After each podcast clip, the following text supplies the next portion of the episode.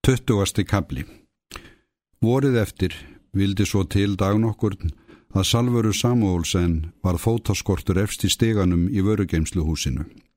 Hún fálmaði eftir handfestu en áði ekki takja á neinu og datt niður á steingólfið. Einar Sölvason og yfirbúðarþjóðnin voru þarna nærstættir og flýttu sér að hjálpa faktorsfrúni að rýsa á fætur. Ég ætlaði nú ofan hvort eð var, svaraði hún þegar Einar spurði hvernig þetta hefði viljað til en brátt kom í ljós að hún gati ekki staðið á studd og þeir urða að bera hana yfir íbúðarhúsið. Þegar í stað var sendur maður með tvo til reyðar að sækja héraðslæknin. Salfur hafði lærbrotnað. Henni batnaði fljótt en var höllt upp frá þessu. Beinbrotið hafðist vel við en samt létt hún ærið á sjá. Hún lagði mikið af og hafði dökkabauga undir augunum þegar hún komst á fætur og var enn þögulli og hjárænulegri en áður. Eitt af vöruskipum verslunarinnar lág utan við vógin. Það hafði komið með vörur og átt að taka öllarfarm. Sama daginn og til stóðaskipi léti haf satt salvöru lengi á tali við mannsinn, þau rættu saman fyrir luktum dyrum í margar klukkustundir. Þegar faktorun kom út aftur var hann óvenjulega svipþungur og æstur í skapi. Hann gerði Ragnari þau orð að móður hans vildi tala við hann. Sömulegis sendi hann strax mann á fund danska skipstjórans og bað hann að fresta brottförinni þanga til hann erði látin vita. Ragnar hafði hjartslátt þegar hann kom inn til móður sinnar. Hann hafði hugbóðum að eitthvað illt mynd á segði. Salfur bað hann að fá sér sæti. Við Samuelsen höfum ákveðið þú farir í kvöld með skipinu til útlanda, sagði hún og var lámælt og raunamætt. Einmitt það. Ragnar var þannig á svipin að Salfur glafti á hann Drengurinn myndir meira en lítið á Haldur Bessarsson. Sónur hennar var orðin stór og kartmannlegur og vissi hvað hann vildi. Já, sagði hún eftir stundarkorn, sittu bara rólegur, ég þarf að tala dálítið við þig. Helst hefði ég kosið að þegjum þetta, en ég þykist vita að það sé þér fyrir bestu að þú vitir alltaf létta. En einu verður þú að lofa mér. Þú minnist aldrei á þetta við nokkurn lifandi mann og ekki einu sinni Gunnu Halldórsdóttur. Ætlar þú að lofa mér því upp á æru og samvisku? Gunnu? Byrjaði hann heikandi. Hann var orðin náfölur. Ekki einu sinni við hana. Ef þetta kvisaðist, þú ferði varðla að setja blett á nafn þess manns sem hefur alið þig upp. Komdu með það, mamma. Þú lofa mér þessu fyrst. Ég skal þegjum þetta við alla vandalösa og ekki færa það í tal nema nöðsin beri til, meira lofa ég ekki. Aftur kom á Ragnar þessi einkennilegi svipur, hún horði á hann magdofa og fekk hjarslátt. Þú ert sonur minn og þú ert á góðu fólki komin, helt hún áfram. Ég treysti þér, treysti því að þú varðveitir þetta lendarmál og sama hátt og hann sem gekk þér í föður stað.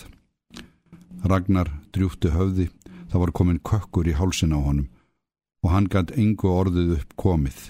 Hræðilegum grun skaut upp í huga hans. Salfur laud einni höfði og hyktist niður þegar hún helt áfram áli sínu. Þú ert sonur Haldur Spessarssonar og Gunna er sýstir þín. Hann leiti ekki upp þegar hún sagði þetta, hann virtist fastur við stólinn og honu fannst eins og eilíft svartnætti færi hönd. Svo sagði hún honum alla æfisögu sína. Nú fjekk hann í fyrsta sinn fulla vittneskjum það sem hann hafði haft óljóst hugbóðum allt frá því hann var barn. Hún dró ekkert undan, sagði honum stilt og róleg frá ástsinn og haldóri sem framan af hefði verið henni allt í öllu en síðan breyst í hatur sem hún fjekk ekki við ráðið. Hún reyndi korki að lofani lasta sig eða haldór, hún sagði allt eins og það var. Loks lísti hún því í hvaða baróttu hún hefði átt við sjálfa sig og samvisku sína áður en hún ákvað að segja þetta síni sínum. Leindarmálið var á einskinsmanns vitorði nema hennar og faktorsins. En svo hafði hún orði fyrir þessu slísi og þá sóttu að henni alls konar sínir. Hún leit á þetta sem vísbendingu, gat ekki þagað lengur. Nú ditti henni ekki í hug að krefjast þess að hann segði skiliði gunnu fyrir fullt og allt, heldur færu hún þess á leit að hann dveldist erlendis um skeið og losaði sig við þetta allt saman. Hann ætti að vera erlendist tvö ár og ef hann svo þegar hann kæmi aftur sem fullorðin maður, þyrði og vildi stíga það skrefa kvænast sýstur sinni, þá myndi korki hún í faktorinn reyna að hindra það. En hann ætti að fara með skipinu strax í kvöld, það væri þeim gunnu báðum fyrir bestu að þau hittust ekki. Hann geti skrifað henni hvað sem honum síndist. En myndu það ragnar minn að ég tristi því að þú haldir þessu vandlega lindu. Ragnar sagði ekki eitt einasta orð við þessu öllu.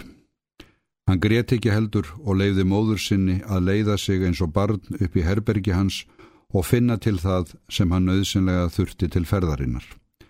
Móður hans mæltist til þess að hann skrifaði gunnu og hann fól henn að koma brefinu til skila.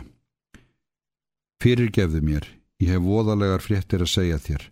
Ég verða að fara burt og kannski sjáumst við aldrei framar. Reyndað að gleima mér, Ég á engin orð til yfir það sem ég er býr í brjósti. Fyrirgefðu mér vina mín, elskan mín, ég get ekki að þessu gert, ég óska þér allsins besta, Guð heyrir þær bænir mínar og uppfylli þær. Ég líð sálarkvalir en ég verða að fara og þetta getur aldrei orðið eins og til stóð. Ímyndaði þér ekki að mér líði betur en þér, ég lít aldrei gladan dag framar. Hér eftir get ég engum treyst nema þér, allir eru vondir og breyskir nema þú. Vertu sæl, ég get ekki meira. Þinn til dauðans, Ragnar. Salfur las brefið og leitt undrand á svonsinn. Tók hann þessu þá svona. Hún hafði búist við allt öðru og það var ekki laust við að hún yrði fyrir vonbreyðum. Hann leifði henn að faðma sig að sér þegar þau kvöttust en auðsýndi henni enga blíðu. Það var eins og hann gengi í svefni þegar hann fór um borði fyllt með faktornum sem bað hann fyrir bref til vina og kunningja í Danmörku og Þískalandi og fekk honum ríflegan farareyri. Svo tókust þeir fast og innilega í hendur, faktornum vöknaðum augu en korugur mælti orð frá vörum. Um kvöldið sendi Salfur mann með brefi til Gunnu Halldórsdóttur. Hún var ein út á hlaði og reyf upp brefið. Þegar hann hafði rent augunum yfir það nokkurum sinnum Hljópunni spretti á hann túnið, niður í fjöru og út á nesið vestan við vógin. Þaðan sá hún skipið sem sildi hægan byr af út norðri, austur í kvöldbláman. Svo las hún brefið einu sin enn, hún skildi þetta ekki almennilega. Allt í ennum kastaði hún sér á grúfu í sandin og fór að gráta. Haldur fann hann að skömmu eftir lánætti, þá var hún sofandi, guggin og útgrátin, augun blóðhlaupin og hárið í óreiðu. Önnur höndin kreftist utanum brefið. Hann tók hann í fangsir og vafði treyjunu sinni utanum hana, svo las hann brefið. Síðan satt hann gravkir og horði á eftir skipunu sem var að hverfa úti við sjóndeldarhingin. Það kom hörkusvipur á hrukkótt svipmikið andlit hans. Það var þó þetta sem fyrir þér vakti, tautaði hann og óttu við salvuru. Þú vættir skilið. Hann lauk aldrei við setninguna en datt í hug að forðum daga hefði margur verið drepinn fyrir minni sækir. Að góðri stundu liðinni tók hann dóttur sína í faðmsér og bar hana heim á leið. Hún umlaði upp úr svefninu með vaknaði ekki. Hann bar hana gætilega og fór sér hægt, var það gæta þess að hras ekki og var stutt stígur. Hann háttaði hana þegar heimkom og þvoði henni framann. Hún vaknaði við það en var úrvind af þreitu og datt út af um leið og hún kom í rúmið. Haldur satt hjá henni meðan hún var að festa svefnin, svo gekk hann út aftur og fór að vinna við grjótgarðin. Hann leiti ekki upp, þerraði ekki einu sinni af sér svitan en aldrei á æfi sinni hafði hann lift öðrum eins björgum. Það byrjaði að góla þegar sólum var komin upp. Andvarinn svalaði honum og hresti hann, leik sér að hærum hans og skeggi. Hann fann að það blætti úr stúfunum, venju fremur, hann varð votur í fæturna en syndi því engur. Undir morgun hætti hann þó að vinna við grjótgardin. Hann var þreyttur og dasaður en honum dætti ekki huga unna sér sveps eða kvildar. Hann náði skóplu og fór að stinga upp kálgardin. Loks fór honum að renna reyðin og rófærðist yfir hug hans. Þegar Gissur kom út að kalla á hann til morgunverðar spurði Haldur hvort Gunna væri vöknuð. Gissur hvað neyfið því. Þá bað hann són sinn að sækja sér mjölk í könnu og helt áfram að vinna þegar hann hefði svalað þorstanum. Morgunin var hlýr og bjartur. Land og haf sveipaðist sólmóðu léttar bárur leku við gulan fjörusandin, mávar og kríur, fyltu lofti klið og kæti. Úr hlýðinni barst niður lækja og linda sem fossuð ofan úr fjöllunum. Haldur hafði tekið sér kvíld, stuttist fram á skópluna og starði viðutan niður í moldina.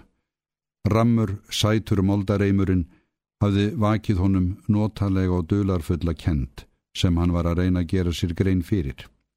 Vorilmurinn, sólskinnið og ángan jarðarinnar myndi hann á faðmlög góðrar konu, en þó öllu fremur á eitt hvað annað sem var utan við valdsvið skilnings og skinnsemi en linað og fjarlægði alla þreitu og alla kvöl.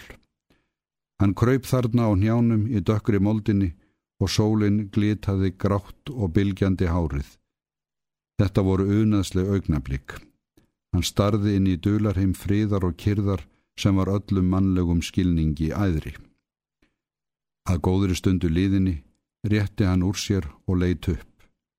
Hann rendi ósjálfrátt augunum til jökulsins sem gnæfði í fjarska kvítur og snæþækin. Sælukendin fjaraði úr huga hans smátt og smátt.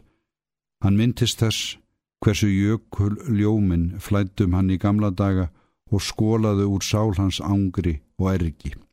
Nú var öldin önnur, unað stundir æskunar voru hornar með byrtu sína og gleði og kom aldrei aftur. Hugurmanns styrnaði með aldrinum var þrjúur og ríkfallin og nú hafði ein ógjafan bæst við. Á þessari stundu þegar honum var runnin reyðin gerði hann sér ljósta nú hataði hann salveru Jónatansdóttur og myndi hata hanna til æfi loka. Hann var ekki neinum vafa, þessu varð ekki breytt. Þetta var eina þeim byrðum sem Guðlegur mönnum á herðar og þeir verða að bera uns yfir líkur. Það varð að vera sem komið var og ekkert við því að gera. En hvernig átti hann að hugga dóttur sína þegar hún vaknaði? Það var meir en hann vissi. Þó var það að takast en sjálfsagt er þið ekki hlaupið að því ef hún væri lík langömu sinni í lund og, og í sjón. Hann kveið þessu en það var ekkert undanfæri og gladur skildi hann bera byrði hennar ef und væri. Það var ekki annar að kosta völ en taka því sem að höndum bæri.